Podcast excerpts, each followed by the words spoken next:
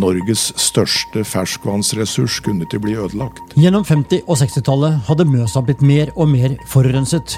Miljøverndepartementet har på grunnlag av den alvorlige situasjonen satt i verk strakstiltak i håp om å redde innsjøen. Mjøsaksjonene på 70-tallet reddet Mjøsa, men det skulle vise seg å være midlertidig.